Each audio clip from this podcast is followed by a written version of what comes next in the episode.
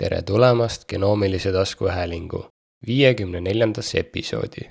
minu nimi on Mikk Tooming ning antud taskuhäälingus süvenen genoomika ja geneetika põnevasse maailma. taskuhäälingus tuleb juttu viimastest läbimurretest DNA uuringute alal, kui ka geenitehnoloogiat ümbritsevatest eetilistest küsimustest ning teadusuudistest. head kuulamist! Ühendkuningriigi biopank on teinud kogu genoomi sekveneerimise andmed oma poole miljoni osaleja kohta kättesaadavaks. heaks kiidetud teadlastele, hetkeseisuga on see suurim sekveneerimise andmete kogum maailmas. see avalikustamine järgneb organisatsiooni varasematele geneetilistele andmekogumitele, sealhulgas genotüpiseerimise andmetele ja eksoomi sekveneerimise andmetele. VGS-i projekt, mida kaasrahastasid Ühendkuningriigi valitsus, Wellcome Trust ja neli farmaatsiaettevõtet läks maksma ligikaudu kakssada viiskümmend neli miljonit dollarit. andmed on kättesaadavad pilvepõhise analüüsiplatvormi kaudu, mis soodustab teadlastele juurdepääsu ja potentsiaalselt demokratiseerib andmete kasutamist. eesmärk on edendada haiguste bioloogia mõistmist, ravimite avastamist ja täppismeditsiini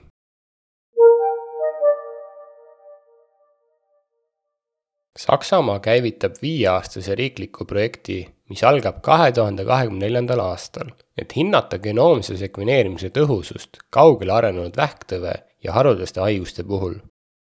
algatuse Genome.ee raames toimuva mudelprojekti eesmärk on parandada diagnoosimist ja ravi kliinilise genoomse sekveneerimise abil ülikooli haiglates.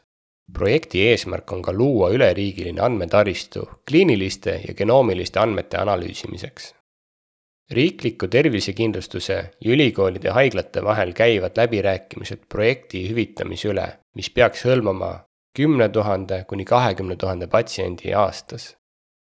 eesmärk on määrata kogutud andmete põhjal kindlaks kulude ja tulude suhe ning võimalik integreerimine üldisesse tervishoiusüsteemi. esialgu on projekti kaasatud kolmteist teenusepakkujat, mida on kavas aja jooksul laiendada ning see hõlmab nii vähihaigete kui ka harva esinevate haiguste patsiente. loodud genoomi andmed salvestatakse Saksamaa inimgenoomi fenoomi arhiivi, mis aitab kaasa kvaliteedi tagamisele, kliinilisele kasutamisele ja teadusuuringutele.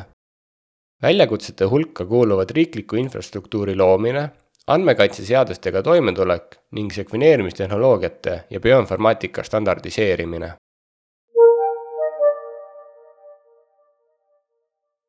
kaks sõltumatut uurimisrühma on näidanud, et ema vereplasmast saadud vanemate ja rakuvaba DNA ehk cell-free DNA sügava eksoomi sekveneerimise kasutamine võimaldab mitteinvasiivset sünnieelset sõeluuringut. Broadi instituuti ja sellega seotud haiglate teadlaste ühes uuringus analüüsiti viiekümne ühe raseda naise proove, näidates, et kõrge resolutsiooniga mitteinvasiivne sünnieelne screening võib tuvastada de novo variante kogu raseduse ajal. teises uuringus, mille viisid läbi Taani uurijad, kasutati sügava eksoomi sekveneerimist vanemate ja loote triode puhul ning saavutati sajaprotsendiline patogeensete de novo variantide avastamine, mis viitab võimalusele integreerida mitteinvasiivne sünnieelne screening koos sügava trioeksoomi sekveneerimisega rutiinsesse sünnieelsesse diagnostikasse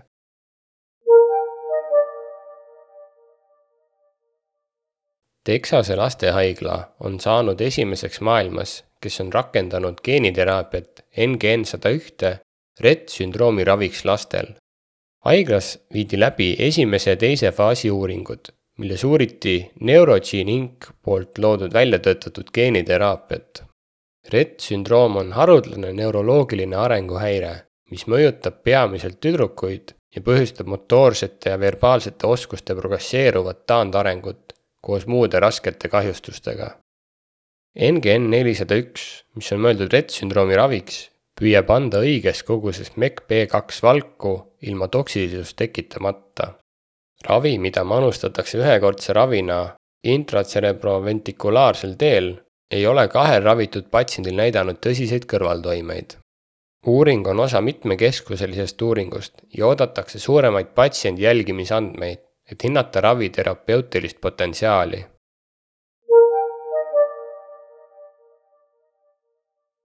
Gladstone instituudi teadlased on välja töötanud CRISPR põhise tehnika primaarse glioblastoomi levinud ja agressiivse ajuvähi vormi raviks.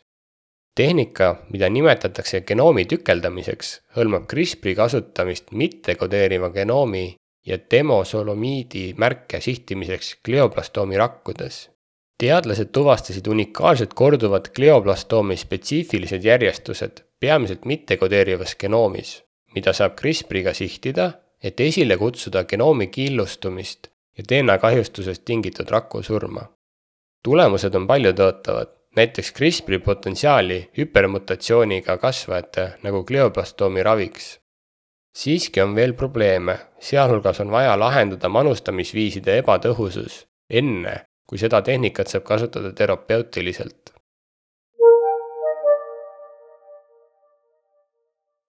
USA Toidu- ja Ravimiamet on andnud heakskiidu kahele esimesele geeniteraapiale Chirprak haiguse raviks, mis on oluline verstapost meditsiinilises arengus. heaks kiidetud ravimeetod on Vertex Pharmaceuticalsi Caskevi ja Bluebirds Bio Lyfgenia. Koostöös CRISPR Therapeutics'iga välja töötatud Caskevi kasutab CRISPR Cas9 geenitöötlustehnoloogiat, et muuta patsientide vereloome tüvirakke, suurendades loote hemoglobiini tootmist. Lyfgenia hõlmab patsientide tüvirakkude geneetilist muundamist, kasutades lentiviirusvektoreid, et toimetada muundatud beeta-globiini geeni mis toodab haigusvastast hemoglobiini. mõlemad ravimeetodid on ühekordsed infusioonid, mis on tehtud patsientide enda vereloome tüvirakkudest. Need on heaks kiidetud kaheteistaastastele ja vanematele isikutele, kellel on varem esinenud vasooksklusiivseid kriise. FDA lisas lüfkeenia märgistusele musta kasti hoiatuse, milles rõhutatakse vajadust elukestva jälgimise järele mõnel ravitud patsiendil täheldatud hematoloogiliste pahaloomulistu haiguste tõttu pikemaajalised uuringud jätkuvad, et hinnata mõlema raviviisi ohutust ja tõhusust. Tavaliste kõrvaltoimete hulka kuuluvad madal vererakkude tase, iiveldus, luu- ja lihaskonna valu.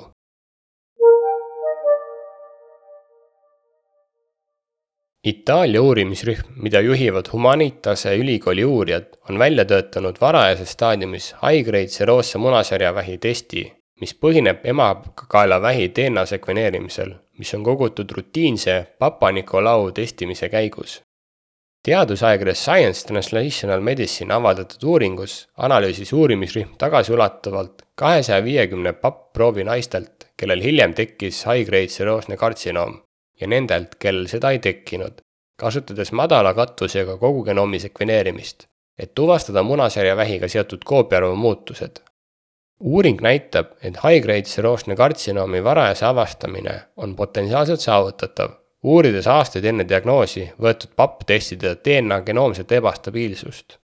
antud test näitas seitsmekümne kuue koma seitsme protsendilist täpsust ja peaaegu kuuekümne seitsme koma seitsme protsendilist spetsiifilisust sajaprotsendilise tundlikkuse juures. see võimaldab avastada haiguse tunnuseid kuni üheksa aastat enne diagnoosi. vajalikud on suuremad prospektiivsed uuringud, et seda meetodit täiendavalt valideerida ja hinnata selle mõju high-grade seroosse kartsinoomi tulemustele.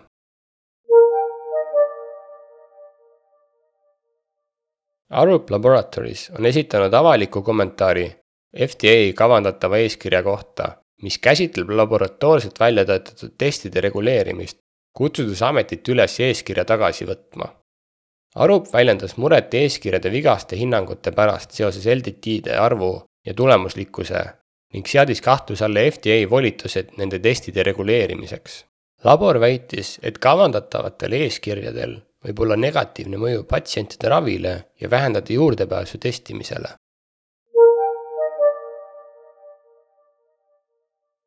Washingtoni ülikooli teadlased on välja töötanud uudse lähenemisviisi, mille abil on võimalik saavutada valguahelate ja üksikmolekulide sekveneerimine kasutades Oxford Nanopore Technologies kättesaadavat platvormi. meetodiga ületatakse probleemid, mis on seotud valkude heterogeenselt laetud olemusega, mistõttu on ainuüksi elektroforeetiliste jõudude abil raske neid läbi nanopooride transportida. kaheastmeline lähenemisviis hõlmab elektroforeetilise jõu kasutamist valgu transportimiseks läbi nanopoori, samal ajal kui blokeeriv domeen takistab täielikku translokatsiooni seejärel viiakse sisse unfoldaasi valk, mis tõmbab analüüdi kontrollitud viisil tagasi välja tekitades reprodutseeritavaid signaale. uuring näitas ühe aminohappe lugemistundlikkust ja võimet analüüsida volditud täispikkuses valguahelaid, mis sillutab teed looduslike valgumolekulide analüüsimiseks.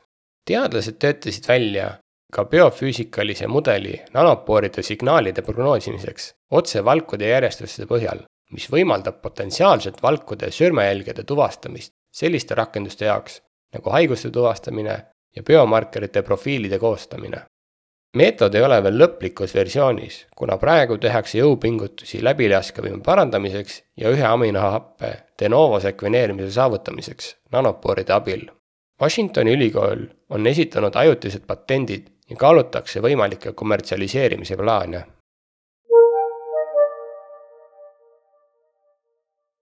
Berkin Elmer on teatanud Covarise omandamisest, et laiendada oma bioteaduste portfelli ja siseneda kiiresti kasvavale diagnostikaturule. see samm järgneb sellele, et Berkin Elmer loovutas New Mountain Capitalile rakendus, toidu ja ettevõtluse teenuste ärid. Covaris, mille enamuse osalus kuulub New Mountain Capitalile, on spetsialiseerunud genoomi ja proteoomi proovide ettevalmistamise instrumentidele ja tarbekaupadele mis pakub Berkini Elmerile kasutusvõimalusi genoomika, transkriptoomika ja proteoomika valdkonnas. tehing hõlmab Covarise järgmise põlvkonna sekveneerimisvõimalusi suure läbilaskevõimega proovide ettevalmistamiseks ja andmete analüüsiks. omandamise rahalisi üksikasju ei avalikustatud. nanopoorse sekveneerimise abil töötavad ettevõtted välja transplantatsioonidiagnostika tooteid kõrge resolutsiooniga HLA tüübi määramiseks, mille eesmärk on kiirus ja kulutõhusus. Ungari molekulaardiagnostika ettevõte Omikson on välja andnud ühe lokaalse HLA tüübi määramise komplekti nimega Nanotype Mono, samas kui madalmaade ettevõte GeneDx tõi turule NGS Turbo, mis mõlemad kasutavad nanopoolse sekveneerimise meetodit Need analüüsid, mis on praegu mõeldud ainult teadusuuringuteks, pakuvad selliseid eeliseid nagu madalad algsed seadmekulud, pikad lugemissagedused, mis tagavad parema tüübi määramise eraldusvõime ja kiirem töötlemisaeg võrreldes traditsiooniliste meetoditega. mõlemad ettevõtted töötavad selle nimel, et saada Euroopa Liidu in vitro diagnostika määruse alusel kliiniliseks kasutamiseks regulatiivset heakskiitu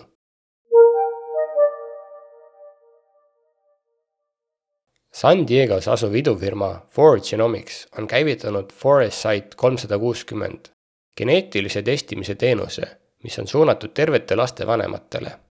teenuse hind on veidi alla kolme tuhande dollari ja see analüüsib lapse DNA-d süljeproovist, kasutades kogu genoomi sekveneerimist, otsides geneetilisi variante, mis on seotud enam kui kolmesaja ravitava või hallatava haigusega ning farmakogeneetilisi variante, mis on seotud neljakümne ravimi tüübiga ettevõte annab igal aastal teavet geneetiliste terviseriskide kohta, kuni laps saab kaheksateistaastaseks. eesmärk on tuvastada geneetilised haigused varakult ja rakendada kliinilisi raviplaane. teenus on kättesaadav kõikides USA osariikides ja selle valmimisaeg on kuus kuni kaheksa nädalat.